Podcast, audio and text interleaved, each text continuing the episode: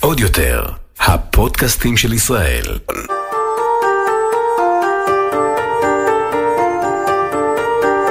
אתם מאירי, הפליליסטית. שלום לכם, אנחנו בפרק נוסף של הפליליסטית, והיום אני רוצה לדבר על שוטרים מושחתים. מי הם השוטרים המושחתים? מי בעיקר בעלי התפקידים במשטרה שנופלים בפח הפיתויים וחוצים את הקווים? על מה בעיקר הם נופלים?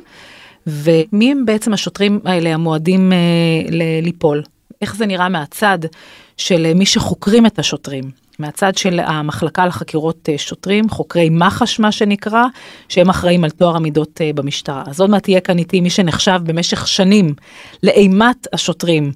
כל פעם שהייתי שומעת את השם שלו, אז היה מלווה לזה סופרלטיב כזה, שם תואר של אה, המפחיד, פחד אלוהים, זה שאין לומר את שמו.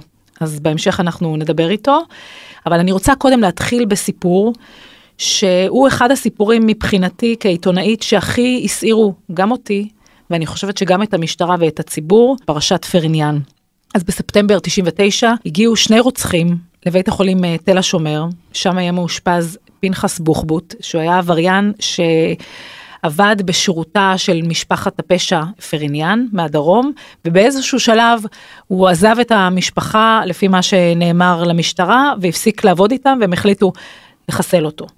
אחד מהרוצחים של פנחס בוחבוט התגלה כשוטר בשירות פעיל בשם צחי בן אור. אה, צחי נעצר בחשד לרצח הזה בעקבות פרשה אחרת, התברר הקשר שלו לרצח, ובחקירה שלו הוא בעצם רמז לחוקרים על קשרים לא נאותים בין קציני משטרה בכירים במחוז הדרומי של המשטרה לבין אה, אנשי משפחת הפשע פריניאן. הוא גם הסכים להיות עד מדינה ולהפליל אה, גם את אותם שוטרים וגם את אה, האנשים ששלחו אותו לבצע את הרצח. העסקה הזאת להפוך אותו לעד מדינה באיזשהו שלב נופלת בגלל פערים בדרישות בינו לבין הפרקליטות, הוא רצה שלוש שנים, הם רצו הרבה יותר שנים שהוא יושב בכלא. הוא שוחרר בסופו של דבר למעצר בית תוך כדי זה שהחקירה בעצם מתנהלת בצורה רשלנית. הוא בורח מהארץ, נוסע למקסיקו, ושם הוא נרצח, השוטר צחי בן אור. מוקמת ועדת בדיקה שחוקרת את התנהלות המשטרה והפרקליטות בפרשת פריניאן, ובסיומה של אותה ועדה, מפכ"ל המשטרה דאז קרדי מתפטר מתפקידו. יורם לוי, שהוא היה מפקד מחוז אה, דרום, גם נאלץ לעזוב את אה, תפקידו, ושורה של קצינים ופרקליטים בכירים מקבלים מכתבי אזהרה שהם סוחבים איתם עד היום, אבל הסיפור הזה נשאר אחד הסיפורים, אחת הפרשות הכי תמוהות והכי מטרידות, אני חושבת שהיו אי פעם בתוך אמות הסיפים של המשטרה, ולצורך זה הבאתי את מי שנחשב לאימת השוטרים, ניצב משנה בדימוס אלכס אור, שלום לך. שלום. אתה היית אז ראש זרוע חשיפה במחלקה לחקירות שוטרים, ואתה אה, חקרת את הסיפור הזה. כן. מבחינת השוטרים, אפשר לומר, להגדיר את הסיפור הזה כסיפור של שחיתות או של רשלנות? אפשר להגדיר אותו כסיפור של שחיתות, כי ברגע ששוטר מה עוד ששוטר בכיר, קצין בכיר, מפקד יחידה, משתף פעולה עם עבריינים, לכאורה, אה, מאחר שהעניין הזה לא הגיע לבית משפט ולא נבדק בבית משפט, אז אנחנו מצרפים פה את הלכאורה. אה, סיפור קשה מאוד, וכשקורה סיפור כזה זה סיפור מושחת. מה הסיפור בעצם מבחינת המשטרה? מבחינת המשטרה, מה שאנשים פחות יודעים, אולי גם את לא היית מודעת לזה, שאנחנו כשבדקנו וחרשנו את כל מה שקורה במרחב לכיש שם ובדרום, עם יורם לוי ועם הפריניאנים, למשל גילינו שיורם לוי, בתפקידו הקודם כקצין החקירות של המרחב, סגר שלושה תיקים לפריניאנים, לאחים פריניאן, תיקים אה, שונים. שבחלק מהמקרים יש שם תכתובות בתיקים של קצינים מאגף התביעות שמתריעים על זה שזה תיק שהוא לא צריך להיסגר, שהוא לא יכול להיסגר. אז זה דבר מושחת. אה, היה להם קזינו במושב שבו הם גרים. שוטרים אומרים שכל פעם, אמרו שכל פעם שהיו מגיעים לפשיטה, הקזינו היה סגור. יש איזשהו חשד אה, יותר מרציני, שמישהו התריע ונתן להם התראה שהולכת אה, להתבצע פשיטה. ומפה הלאה וצפונה, שהוא גם שיבש את uh, חקירת uh, הרצח של uh, פנחס בוחבוט, אני לא יכול להתחייב, ש... אני, לא, אני לא בטוח שאכן הדבר, הדבר הזה קרה. אבל אין ספק שהיה קשר אסור ומושחת בין יורם לוי לבין האחים העבריינים פאריניאן, וכפי שאת אמרת, העניין הזה נחקר באריכות, לא במידה גדולה של הצלחה, לא... מבחינת מח"ש או מבחינת אותה ועדה? מבחינת המדינה. אוקיי. לא פוענח הפשע הזה, העבירות האלה לא פוענחו עד תומם עד הסוף. אה, אני יכול מבחינת מח"ש אולי קצת להצטדק ולהגיד שאנחנו נכנסנו לחקירה הזאת לא במצב האידיאלי כפי שהיינו רוצים. קרי שאנחנו מבצעים איזושהי חקירה אה, סמויה, ארוכה, חקירה סמויה, אני מדבר על האזנות סתר, להפעיל יחידה סמויה, בדיקות בבנקים וכל מה שקרוב לאסוף מידע מבלי שהנחקרים יודעים. בדיוק, לפני שאנחנו יוצאים בחקירה הגלויה. אנחנו הופתענו על ידי עובדה שיצא, אילנה דיין יצא עם תוכנית, בום, קיבלנו את זה לפנים כמו שאומרים. תוך כדי החקירה? אה, לא, לא תוך כדי החקירה אפילו. בעקבות העובדה הזאת היינו צריכים מהר מהר להתארגן ותוך כדי, אה, בשטח, תוך כדי, התארגן, תוך כדי תנועה להתארגן אז מה בעצם אתה עושה? לחקירה. מה בעצם אתה אז עושה זה קצת בחקירה? חיבל באפשרות שלנו אה, להצליח בחקירה הזאת. הבאנו את אה, יורם לוי ועוד קצין אה, בשם אה, רובי גלבוע שהיה יד ימינו. וחקרנו אותם, חקרנו אותם באריכות. ניסינו למצוא איזשהו תגמול שיורם לוי קיבל, צריך לציין את זה לזכותו של יורם לוי, אני לא יודע איך להגדיר את זה, לא מצאנו שום דבר. יורם לוי חי מאוד בצניעות, לא מצאנו היום נכסים שלו, נכסי נדל"ן או נכסים אחרים, בדקנו חשבונות שלו, של בני המשפחה שלו, לא נמצא שום דבר. יכול להיות שהכל נעשה במזומן. אה, כן, אבל אם אתה שם במזומן מיליון שקל מתחת למזרון, מה יוצא לך מזה? לא קנית אפילו אוטו חדש, אז אה, אין בזה כל כך, לא יודע. אה, מצאנו למשל, כמו שאמרתי לך קודם, את שלושת התיקים האלה שנסגרו שלא כדין. מצאנו כל מיני אה, אה, נהלים של מודיעין שהופרו בצורה שיטתית ובוטה על ידי יורם לוי. אה, למשל, להיפגש עם המקורות העבריינים האלה אצלו בבית, בסלון שלו. משהו מטורף. מי שקצת מתמצא בעבודת מודיעין ומשטרה מבין שזה... אין דבר כזה. זה... זאת אומרת, הקו, הגבול הזה שהיה צריך להיות שם בינו, הדיסטנס, כן. בינו לבין העבריינים בעצם היטשטש באיזשהו שלב. היטשטש עד כדי כך שהיית יכול לומר באותה תקופה שהוא הפך להיות אה, אה, קצין אה, מושחת? זה לא נעים להגיד את זה, אבל זה... הוא הידרדר והפך להיות קצין מושחת. אני רק אציין כאן שהוא מעולם לא עמד על כך לדין לא פלילי, פלילי, כן. ולא הורשע בשום דבר, רק אה, הוזהר על ידי אותה הוועדה. אני, אני אישית מאמין, על סמך היכרותי, ויש לי היכרות די עמוקה עם החומר שם, שהוא לא קיבל שוחד, אולי אני תמים ונאיבי, לא יודע. אני חושב שברבות השנים הוא הפך להיות חבר של האחים פארניאן, ובמסגרת אותה חברות הוא עזר להם וסייע להם. שזה בעייתי כשלעצמו. שזה עבירה פלילית, מה זאת אומרת? ואז מה עוד אתה מגלה? מה הוא אומר לך בחקירה?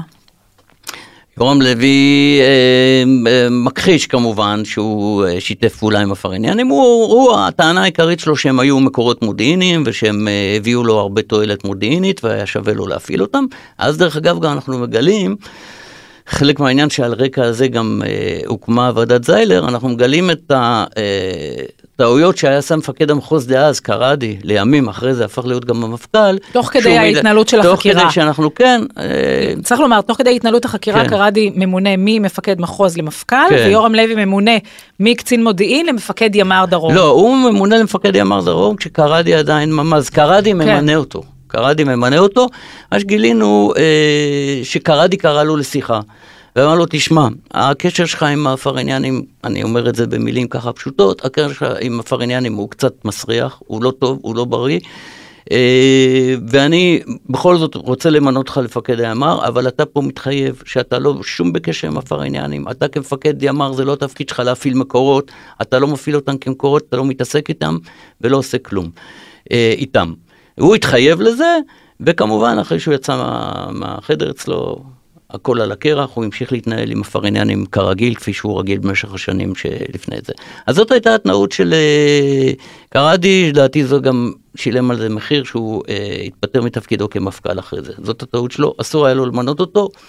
גם היה צריך ליזום איזושהי בדיקה אה, בנושא הקשרים שלו עם הפרעניאנים. אז אתה חקרת את הסיפור הזה שבסוף לא הגיע לכתב אישום פלילי, מה, מה בעצם המסקנה שלך מהסיפור הזה מבחינת ההתנהלות של השוטרים ושל הפרקליטות, כשיש פה, נזכיר, סיפור של שוטר, צחי בן אור, שמבצע רצח בשירות משפחת פשע אה, בדרום, משפחת פרניאן, הוא נרצח כי לא מצליחים להגיע איתו לעסקה, ותוך כן. כדי זה אה, מגלים שיש קשרים בין קציני משטרה לבין אותה משפחת פשע. כל הסיפור הזה אתה חוקר, מה, מה התובנות שלך בסיום, בסיום החקירה? אז כבר, כבר ציינתי שאני חושב שזה לא מדובר פה בשוחד, אלא בחברות שנרקמה. Uh, התובנות היא שצריך כל הזמן, ואני רואה את זה בעיקר בתיקים של, uh, אולי נדבר על זה אחרי זה, בתיקים של רכזי מודיעין, זה תחום מאוד מאוד בעייתי במשטרה, והתובנות האלה, אני נתקל בהן כל פעם בתיקים האלה uh, וחושב עליהם מחדש. שהמשטרה לא מספיק שומרת על רכזי המודיעין שלה, ולא לשמור אותם שלא יפגעו בהם, לשמור אותם מפני עצמם. לעשות להם סדנאות, לקחת אותם לנופשים ולהסביר להם וכל הזמן לפמפם להם שאמנם אתם צריכים להיות ביחסים טובים במרכאות וחבריים במרכאות עם עבריינים, מקורות מודיעיניים, אבל כל הזמן לזכור שהם עבריינים ואתם שוטרים ולא לתת לעצמכם לחצות את הגבולות. המשטרה זורקת אותם למים העמוקים האלה של המודיעין שגר ושכח, כמו שקוראים לזה בשפה הצבאית. ואני רוצה רק להבהיר ו- ולחדד לא דואגת להם אחרי זה. ולחדד למאזינים שבעצם רכזי המודיעין הם אלה שנמצאים ואמורים להיות בקשר עם עבריינים, לקבל מהם מידע על אה, עבירות פליליות, על מעשים פליליים שנעשים, כן. על עבריינים אה, אחרים. הם כן צריכים להיות בקשר, אבל הם צריכים לשמור על גבול שלא לחצות אותו ולא להפוך להיות החברים שלהם, אלא סוג של מפעילים שלהם. ברור. אה, אז רכזי המודיעין, אנחנו רואים גם בפרשה הזאת וגם בכלל פרשות, הם הראשונים להסתבך במשטרה, הם הדמויות שהכי אה, מסתבכות. יש איזה סיפור ספציפי שאתה זוכר של רכז מודיעין שהסתבך והפתיע אותך? הוא היה חריג בעוצמה שלו, של המעשים שעשה השוטר? אני אתן לך סיפור שמצביע באמת על החריגות וגם על התחכום הרב של ארגוני הפשיעה. אה, הארגון של אסי אבוטבול, אה, סחט איזה איש עסקים מאוד מאוד עשיר, ואחרי שלקחו ממנו כסף פעם אחת, פעם שנייה, וכל פעם הבטיחו לו שזה רק עכשיו וזהו, אנחנו פשוט צריכים כסף לאיזה מישהו שעצור, ובזה זה ייגמר. וכשאני אומר לקח כסף זה מאות אלפים. אה, ובאו אליו פעם שלישית, והוא אמר עד כאן, אתם רוצים תהרגו אותי, תרצחו אותי, די, אין לזה סוף. ואז הם עשו משהו מתוחכם בצורה מטורפת, הם שלחו רכז מודיעין שעבד איתם כביכול, כנראה, אה, ואותו רכז מודיעין אה, זימן את האיש עסקים הזה לפגישה, ואמר לו, תגיד, למה יאסי אבוטבול רוצה לרצוח אותך? ההוא כמעט נפל מהכיסא, זה לא צריך לאיים עליו, המשטרה מודיעה לו שאסי אבוטבול עומד לרצוח אותו, ואז הוא מספר לו את כל הסיפור, הוא אומר לו, שמע, סוחטים אותי וככה וככה. הוא אומר, תשמע, זה לא מעניין אותי, אני לא באתי עכשיו לשמוע, אני רק אה, באתי להגיד לך, כנראה אסי אבוטבול רוצה לרצוח אותך, קח את זה בחשבון. הוא אומר לו, אני רוצה להתלונן, הוא אומר לו, בסדר, לך לתחנת המשטרה בנתניה, אתה יודע איפה, תמסור שם תלונה. והלך. וזה המסר, כאילו לא צריך לאיים, לא צריך לשרוף לך את המכונית, המשטרה באה ואומרת לך, אסי אבולבול עומד לרצוח אותך, יש יותר מזה? אז זה הפעלה מתוחכמת בצורה... עלינו על המקרה הזה כמובן עם כל מיני מחקרי תקשורת, הצלחנו את כל השרשרת לראות שיחות טלפון, מאסי לסגן שלו סידבון ולאיש שמפעיל את השוטר הזה ולשוטר ואחרי השיחה ובחזרה והוא מדווח ואיך זה עובר בשרשרת הפיקוד של הארגון כל הדיווחים של השוטר. הפרקליטות קצת חששה על, אה, לבנות תיק שהוא ייבנה בחלקו העיקרי על אה, מחקרי תקשורת. היו עוד ראיות תומכות מסביב, כן, אני לא, פשוט לא אפרט פה. אה, וסגרו את התיק הזה, אה, הסתפקו בזה שהוא עזב את המשטרה. אז, אה, ונתקלנו בעוד הפעלות מתוחכמות מאוד של שוטרים על ידי ארגוני פשיעה. איזה עוד אה, תחומים אה, שוטרים מועדים בהם אה, לפורענות ככה ונופלים בהם מבחינת גם התפקידים של אותם שוטרים וגם אה, הגישה שלהם, זאת אומרת שוטרים בתחום הבינוי, הרישוי, עבירות של שוחד, איפה השוטרים הם יותר מסתבכים. אז, אז אמרנו קודם כל את המודיעין. אה, תחום נוסף ששוטרים נופלים בו ב, ב, על, על פי משקל, זה שוטרים אגב במחסומים, ב, ב, במערכת, אה, בשטחים, במעברים לארץ. במה הם נופלים? אה, לוקחים שוחד, אני מדבר איתך על שוחד, יכול להיות גם מנה פלאפל, שוחד קטן. בתמורה להכנסה שלהם. להכנסה של שב"חים, כאלה שאסור להם להיכנס לארץ, שמכניסים אותם לארץ. אז לפעמים זה עשרות, לפעמים זה גם מאות. הם גם לא בודקים אותם? בטח, לא בודקים. לא. זאת אומרת, הם יכולים להיות גם אה, מחבלים לצורך העניין. אה, ודאי, ברור. אז יכולים להיות אה, מחבלים, וזה יכולים להיות צו שב"חים, וגם הכנסת אה, סחורות בלי בדיקה. יש איזשהו מאבק של יחידת הפיצוח של משרד החקלאות, לא להכניס ביצים, לא להכניס בשר, דברים כאלה, אז גם את זה מכניסים. מקבלים שוחד, לפעמים השוחד הוא מזערי, לא גדול, לפעמים קצת יותר גדול. בכלל שוטרים מוכרים את עצמם בזול, דרך אגב, לא איזה סכומים עתק, סכומי כן. עתק, בכל המגזרים. וצריך לומר שהם לא מרוויחים כזה רע, המדרג של הסכומים אה, שהם מרוויחים, של השכר שלהם, הוא לא של רע בכלל, השוטרים? יש להם גם אה, אה, תנאים אה, לא רעים בכלל. אז לא ניכנס לא לזה. מעט אנשים היו רוצים ויש, לעבוד. יש ויש, זה לא, זה מורכב. לא, ת- תראה, בואו נלך מלמטה, שוטרי סיור מרוויחים משכורות שהן הרבה מעבר למשכורות אה, מינימום, כן. הרבה הרבה מעבר. היום, כן. אז אה, גם מתייחסים לאפשרות הזאת שהם יכולים אה, להיות שחידים, אז כדי שיהיו כמה שפחות שחידים, המשכורות שלהם מלכתחילה הן לא נמוכות, הן לא גם בשמיים, יש גם שוטרים שמרוויחים הרבה, אבל המשכורות בסיס הן לא רעות אה, בכלל. אני נתקלת לאורך השנים הרבה מאוד בטענות של אה, אזרחים שמתקשרים אליהם ואומרים לי, פה השוטר הזה תפר לי תיק, פה השוטר הזה עשה קומבינה עם ההוא. עד כמה זה באמת נפוץ, התחום הזה? אה, זה לא נפוץ, ואני חושב ש... אה, שוטרים, אה, אה, אזרחים תמיד רואים שוטרים עשו להם, אני יודע, איזה תרגיל חקירה או איזה משהו, הם חושבים כאילו עשו להם קומבינה, כאילו תפרו להם תיק. אני חושב שהתלונות האלה הם בדרך כלל הן אה, מאוד סובייקטיביות וזה התרשמויות יותר של האזרחים שהם לא אנשי מקצוע והם לא מבינים בעניינים. לא נתקלנו באיזה תופעה של שוטרים שתופרים תיקים. אה, היו לנו גם מקרים כאלה, יש מקרים. נתניהו למשל טוען, אה, תופרים לי תיק. כן, אנחנו אני רוצה יכולים לעשות סדרה. שלמה עכשיו. זה בכלל אפשרי, טכנית, פרוצדוריאלית, כי אני יודעת כעיתונאית, שברגע שאתה מגיש תלונה, יש 20 עיניים מפקחות, היה צוות חקירה, מעליך יש את השוטר, את המפקד. תחנה, את ראש אגף החקירות, את היועץ המשפטי לממשלה, את. פרקליט המדינה, ובסוף זה גם מגיע לבית המשפט. זאת אומרת. שיש כל כך הרבה עיניים. בוחנות, אז אני שואלת את עצמי, האם אפשר לתפור תיק? האם המשטרה יכולה לתפור תיק? עשינו פעם, טיפלנו פעם באילת בתיק של תפירת תיק, ברמה, ב-level הכי נמוך של הבלשים שביצעו את המעצר. עצרו מישהו חשוד בדקירה וזרקו סכין אה, ליד הרגליים שלו בניידת ואמרו שזה הוא. אז היו שני הבלשים שעשו את זה, אז באמת, גם בזה הם אפילו נתפסו, אחד מהם ישב בכלא. אבל צריך להבין, לתפור תיק לנתניהו זה אופרציה אדירה, צריכים להיות שותפים, שותפי סוד לעניין הזה עשרות אנשים, זה בלתי אפשרי. עכשיו ב, ביחידה, ב, בלהב שחוקרת את זה, יושבים אנשים שהם אה, שמאלנים, מרכזיים, יש גם אנשי אה, ימין מובהקים שם, הם לא ייתנו לדבר כזה לעבור, אתה לא יכול לשמור דבר כזה אדיר כזה. אופרציה כזאת ענקית בסוד, ולעשות את זה ביחד עם אנשי הפרקליטות וביחד עם אנשי המשטרה ו- וצמרת המשטרה, ו... זה, זה, זה אפילו לא מדע דמיוני, זה יותר ממדע דמיוני, לא עכשיו, קיים. עכשיו עוד שאלה ששואלים אותי לאורך השנים זה תגידי, ממה שאת רואה לאורך השנים, האם המשטרה מושחתת? ואני תמיד אומרת, המשטרה לא מושחתת, היא לא יכולה להיות מושחתת, היא בנויה בצורה כזאת שיש לה כל כך הרבה עיניים שמפקחות עליה, ובתוכה שהיא לא יכולה להיות מושחתת, אבל כן, יש שחיתות בתוך המשטרה. אז אני רוצה לשאול אותך, אלכס אור, ניצב משנה בדימוס, מי שחקר לאורך השנים עשרות אם לא מאות אה, שוטרים, נכון? מאות? הגעת למאות שוטרים מניח, שחקרת, כן. ומאות חקירות. עד כמה באמת יש שחיתות בתוך המשטרה? תראי, זו שאלה שגם אני נשאל הרבה, אה, שאלה יפה, ואני תמיד אומר שהמשטרת ישראל היא לא משטרה מושחתת, יש בה פרטים מושחתים. מה זה משטרה מושחתת? לפי הגדרה שאני פיתחתי, כן? משטרה מושחתת זה שיש אה, יחידות שלמות שהן כולן מושחתות ביחד.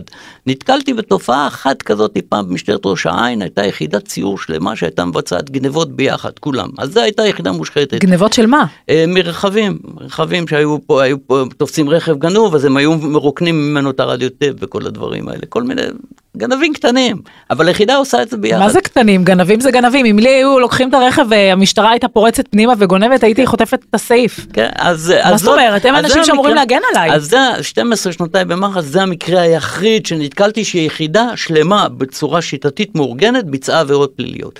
כל שאר המקרים, עשרות ומאות מקרים אחרים, זה היו מקרים ששוטרים, אה, אולי שני שוטרים ביחד, או, אבל לא יחידות עשו את זה לבד, ולכן אני אומר, יש שוטרים מושחתים, משטרת ישראל היא רחוקה מהגדרה של משטרה מושחתת. בארצות הברית יש אה, משטרות שהן מושחתות, בהחלט. בארץ אין לנו את זה. יש אה, הרבה מקרים או מעט מקרים שנתקלת בהם לאורך השנים של שוטרים שגנבו כסף, תכשיטים, אה, פריטים מזירות, מדירות שהתלוננו על פריצה, יש לזה אפילו שם. בעגה המשטרתית, השלמת פריצה.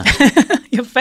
כן. השלמת פריצה זה שהם באים והם גונבים את השאר. כן, אבל הם צריכים לשמור על הדירה עד שיגיע הבעלים, על החנות, על העסק עד שיגיע הבעלים. ו- ועד זה כמה לא- זה נפוץ? לא, זה לא נפוץ, זה קיים, אבל זה לא זה נפוץ. קיים אבל. זה קיים, כי אני כן. זוכרת אה, מקרה ספציפי של שוטרים שהגיעו ל...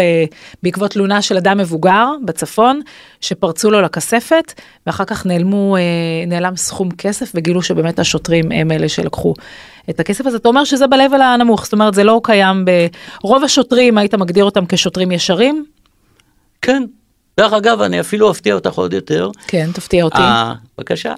המקורות הכי טובים שלנו, מקורות מודיעיניים, זה שוטרים. הרבה שוטרים מתגייסים למשטרה כי הם אידיאל, רוצים שתהיה חברה טובה גם אוהבים אקשן, כן? אבל הם רוצים, הם ישרים. וכשהם רואים איזשהו שוטר מושחת זה מאוד מפריע להם, והם באים והם מדווחים לנו. יותר מזה, כשאנחנו פונים ל- ליחידת משטרה ואנחנו מבקשים סיוע, אה, אנחנו מקבלים, אנחנו עושים בדיקה למי אפשר לפנות, מי הוא אמין, מי אפשר לסמוך עליו, המשטרה המון עוזרת לנו. אנחנו עובדים המון עם המשטרה. עכשיו יש גם טענות למח"ש, ולדעתי יש גם סדרה שמדברת על מח"ש מנאייק. אוקיי. והטענות הן שמח"ש אה, עם כל התפקיד המאוד מאוד חשוב אה, ומרכזי שלה לנקות את המשטרה משחיתות, מח"ש גם עושה הנחות לשוטרים, מח"ש לא תמיד ישרה בעצמה, מח"ש לפעמים גם שותלת אה, אולי דברים, אלה טענות שאני קיבלתי משוטרים לאורך השנים.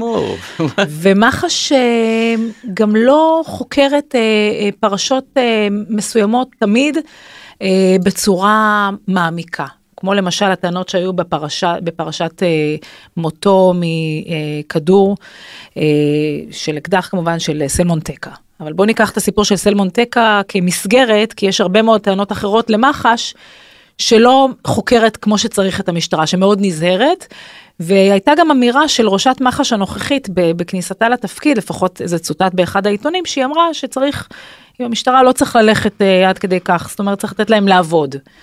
אז האם זה נכון באמת? האם מח"ש לא רוצים למצות את הדין עם השוטרים? האם הם מקלים עם השוטרים? תשמעי, קודם כל, אני צריך משפט פתיחה להסביר. מח"ש שלפני 10 שנים, 15 שנה, 20 שנה, זה לא מח"ש של היום. זה ארגון אחר לגמרי. בתקופתנו, אני חושב שמח"ש, תקופתך זה לפני? אני יצאתי לפני 10 שנים, כמעט אוקיי. 11 שנה. אני חושב שמח"ש הייתה ארגון ישר, היו חריגים, אה, דרך אגב, החריגים אה, לא היו מצד השוטרים, לאורך כל השנים היו טענות על השוטרים שמושאלים למח"ש, שהם כאילו דואגים לחברים שלהם במשטרה. והם חוקרים את החברים. כן, אבל הנקודת מבט שלנו הייתה אחרת, של רובן, רובנו. אנחנו באנו כאנשים שבאנו מהמשטרה ואהבנו את המשטרה וחשבנו שאנחנו עושים, שאנחנו בשירות המשטרה כשאנחנו מנקים את המשטרה. זאת הייתה הגישה. ואני אתן לך את הדוגמה הכי מובהקת, פרשת השוטרים מנוקמים מנהריה, הרי הכי קל היה למסמס את התיק הזה. התחלנו עם התיק הזה שלא היה בו כלום. וגם הזדהינו עם השוטרים, הבנו למה הם עשו את זה. ובכל זאת חקרנו כי עשינו את עבודתנו נאמנה. אז זאת, השוטרים בנהריה משקפים את מח"ש כמו שאני הכרתי אותה כשאני הייתי שם. והיום? זה לא רק אני, זה, הייתה שם חבורה של, של קציני משטרה שעשו את העבודה נכון. היום מח"ש, כמו שאני מתרשם ממנה, אני לא שם.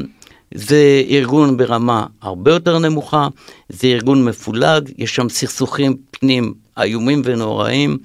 אה, המפכ"ל הקודם קודם, אלשיך, שיהיה בריא, תרם הרבה לפירור של מח"ש, להתפוררות של מח"ש. במה? אה, בזה שהוא קשר, כנראה, עשה קשר בין פרשיות נתניהו לבין העבודה, אה, העבודה של מח"ש כנגד שוטרים, והוא הפעיל לחץ על פרקליטות המדינה כדי להוריד את מח"ש מהגב של המשטרה, והפרקליטות המדינה נתנה גב לאלשיך, והקריבה, זרקה את מח"ש על, אה, מתחת לגלגלות הרכב של אלשיך, ו, וה, וזה באמת האמירה הזאת של ראשת מח"ש הנכנסת שצריך אה, לבוא לקראת המשטרה ולהבין אותה, זו אמירה שלא תיאמר, אי אפשר להבין את זה, גם מקצועית לא נכון. מח"ש, המשטרה, הרבה יותר העריכה אותנו כשהיינו חזקים ועשינו את עבודתנו נאמנה. והיינו יחסים, היו לנו יחסים מעולים עם המשטרה, מעולים. אני זוכרת את התקופה, היית- את השנים, שמח"ש ביצעו מעצרים נגד קצינים בכירים מאוד, מפקדי מחוזות, אה, ראשי אה, אה, תחנות ואגפים, כשהם עם כל הניקיון של תרבות ה... תרבות ההפקרות המינית במשטרה וההטרדות המיניות והמעצרים חדשות לבקרים של קצינים בכירים שעד היום חלקם עומדים אה, לדין כן. וחלקם נזרקו מהמשטרה. היום אתה כבר לא רואה מעצרים של קצינים אה, בכירים. אה, מה זה אומר? שהתרבות הזאת הנלוזה של הטרדות מיניות, של אה, שחיתות, שהיא עפה מהמשטרה, לא. או שפשוט לא חוקרים את זה? תראי, התרבות, אה, זה לא תרבות, המקרי שחיתות יהיו, תמיד יהיו. תמיד צריך, זה כמו, תמיד אני נותן את ה... כמו גנן, שהוא תמיד צריך לנקש עשבים, זה לא נגמר אף פעם, צריך לנקש את העשבים השוטים במשטרה כל הזמן, לשמור על, ה, על המשטרה, זה תמיד יהיה. עכשיו תראי, במקרה למעשים מגונים, אה, זה לא התרבות הארגונית, רק כל החברה השתנתה, כל תופעת המיטו, זה, זה תופעה עולמית, לא רק... אה, אז אני מניח שהיום זה קיים פחות. זה יהיה, זה לא ייעלם לגמרי, אבל זה קיים פחות. אתן לך דוגמה, לפני איזה אה, 20 שנה, פחות מ-20 שנה, קצין מסוים מחוז מרכז בדרגת רב פקד, נחקר בזה שהוא ביצע מעשה מגונה בשוטרת אה, שח"ם, שוטרת אה, חובה. אה, והוא נחקר והוא הודה, וסגרו את זה כעבירה משמעתית, קיבל איזה אונס מצחיק, ולא רק שהוא נשאר במשטרה, הבן אדם התקדם והגיע אחרי זה לדרגת ניצב משנה. וכמובן שאחרי זה נתקלתי בו אצלי בזרוע החשיפה, כי כשבן אדם הוא מושחת, הוא מושחת. אה, אז אה, הוא לא נרפא מזה, הוא לא נהיה ישר. אז התרבות, זה התרבות שהייתה אז. התרבות הייתה שאפשר בדין. במקרים החמורים, דין משמעתי, ויאללה, לשכוח את העניין הזה, לקבור אותו. והגל הגדול שהיה בתקופת דנינו עם כל הניצבים אה, שעפו מהמשטרה על מעשים מגונים ברמה כזאת או אחרת, אה, ואני חושב שהיום זה פחות רווח במשטרה. אני רוצה להאמין שזה פחות רווח. אבל גם הם, אתה לא, לא אומר שמח"ש לא חוקרים את זה כמו שהם חקרו אז, באותה מוטיבציה ובאותו רצון לנקות את המשטרה. זאת אומרת, מח"ש היום יותר אני פסיביים. חושב שיש היום פחות רצון. כן. מח"ש גם, יש אולי פחות רצון ויש גם פחות יכולות, יש לה פחות כוח, יש לה פחות גב מפרקליטות המדינה. פעם היינו, אה, שמישהו היה עושה לנו בעיות, היה לנו גב, היינו חזקים מאוד. תגיד, אתן לך דוגמה איך היינו מטפלים בשוטרת מסוימת בנתב"ג, התלוננה שמישהו ביצע במעשה מגונה, שוטר ביצע. במעשה מגונה. שלחתי שני חוקרים שלי לתל אביב שיגבו ממנה עדות, קבענו איתה, בדרך הם מתקשרים אליי, אומרים, היא התקשרה והיא אמרה שהיא לא יכולה לבוא, הרכז סיור לא משחרר אותה, לא רוצה לשחרר אותה. אה, אמרתי להם, תתקשרו לרכז סיור, תתקשרו לרכז סיור, חלק, חלק מהשוטרים לא אוהבים את מח"ש. גלה לך סוד, לא אוהבים את מח"ש, חלקם, לא כולם. הוא אמר, אנחנו מאוד עסוקים היום, אני לא משחרר אותה. אמרו לו, תשמע, קבענו איתה, יש חקירה? הוא אמר, אני לא משחרר אותה, תעשו מה שאתם רוצים. אז הם התקשרו אליי עוד פעם, מה עושים? אמרתי להם, תשמעו, אתם בדרך לתל אביב. תפנו ימינה, תיכנסו לנתב"ג, תיכנסו לרכז סיור הזה לחדר, תודיעו לו שהוא מעוכב לחקירה, קחו אותו לתל אביב, תאשימו אותו בשיבוש מהלכי חקירה. וואו. לקחו אותו, באו, לקחו אותו, הוא נהיה לבן, הבן אדם ראה את כל הדרך, כל הזמן רק ביקש סליחה, ככה אתה יוצר אפקטיביות, ככה אתה יוצר עוצמה. ואם אתה בא, ותאמיני לי, בנתב"ג היינו אחרי זה שטיח אדום תמיד, כל מה ש... פשוט הם הבינו מה, מה סדר הכוחות פה ואיך דברים צריכים להתנהל.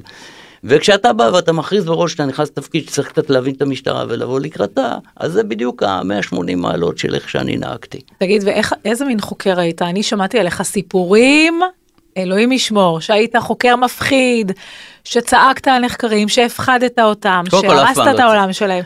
אתה יודע, כאילו בלהט החקירות, ו- ושוטר שנחקר, כל ה... יורד לו מסך מול העיניים, כל העולם שלו מתהפך, שוטר, זה לא בן אדם רגיל, הוא מתעסק, העיסוק שלו הוא בשם הטוב שלו. אז אה, אני מניחה שהתדמית שלך של אדם, אה, של חוקר דמוני, הייתה, גם אם היית חוקר נורא נורא טוב ונורא נחמד, אבל באמת, בינינו, איזה חוקר היית? איך ניגשת לחקור שוטר? תשמעי, קודם כל, מקרים שצעקתי היו מעטים, וגם, וגם כשצעקתי זה היה בצורה מושכלת, כי החלטתי שצריך, כי צריך כאילו ל, ליישר קצת את הנחקר, שהוא תפס יותר מדי ביטחון, או מה שצריך להעמיד אותו במקום, וזה נעשה בצורה מושכלת. אה, אני אגיד לך, אני... אה, בחקירות אני משתדל להיות מאוד אה, אמפתי ואני חייכן.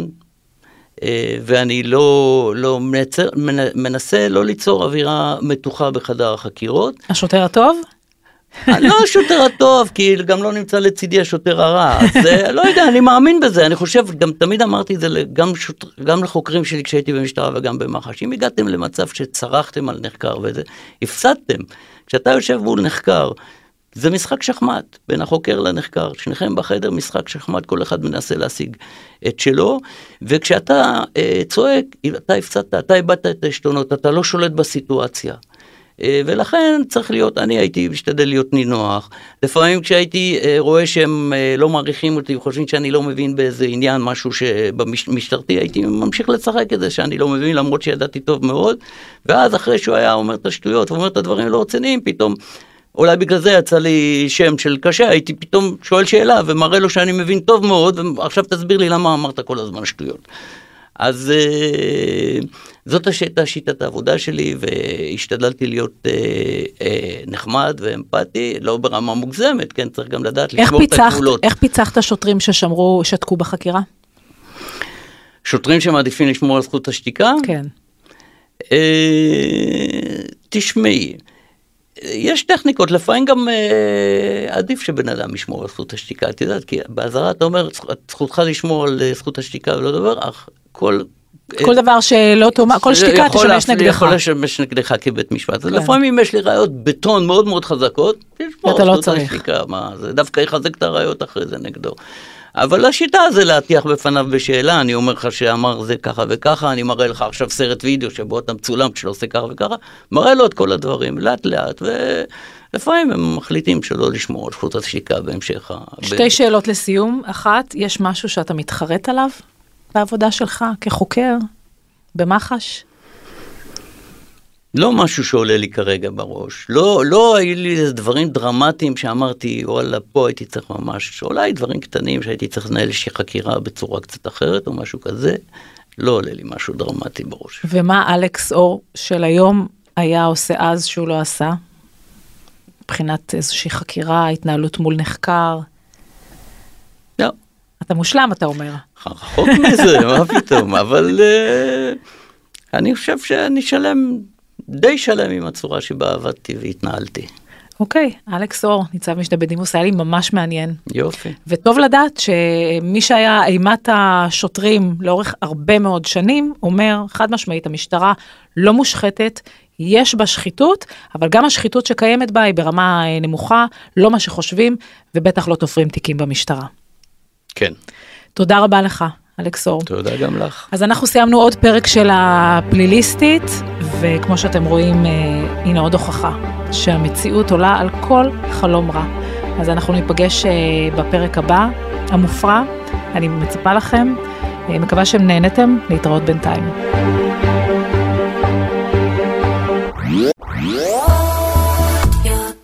עוד יותר, הפודקאסטים של ישראל.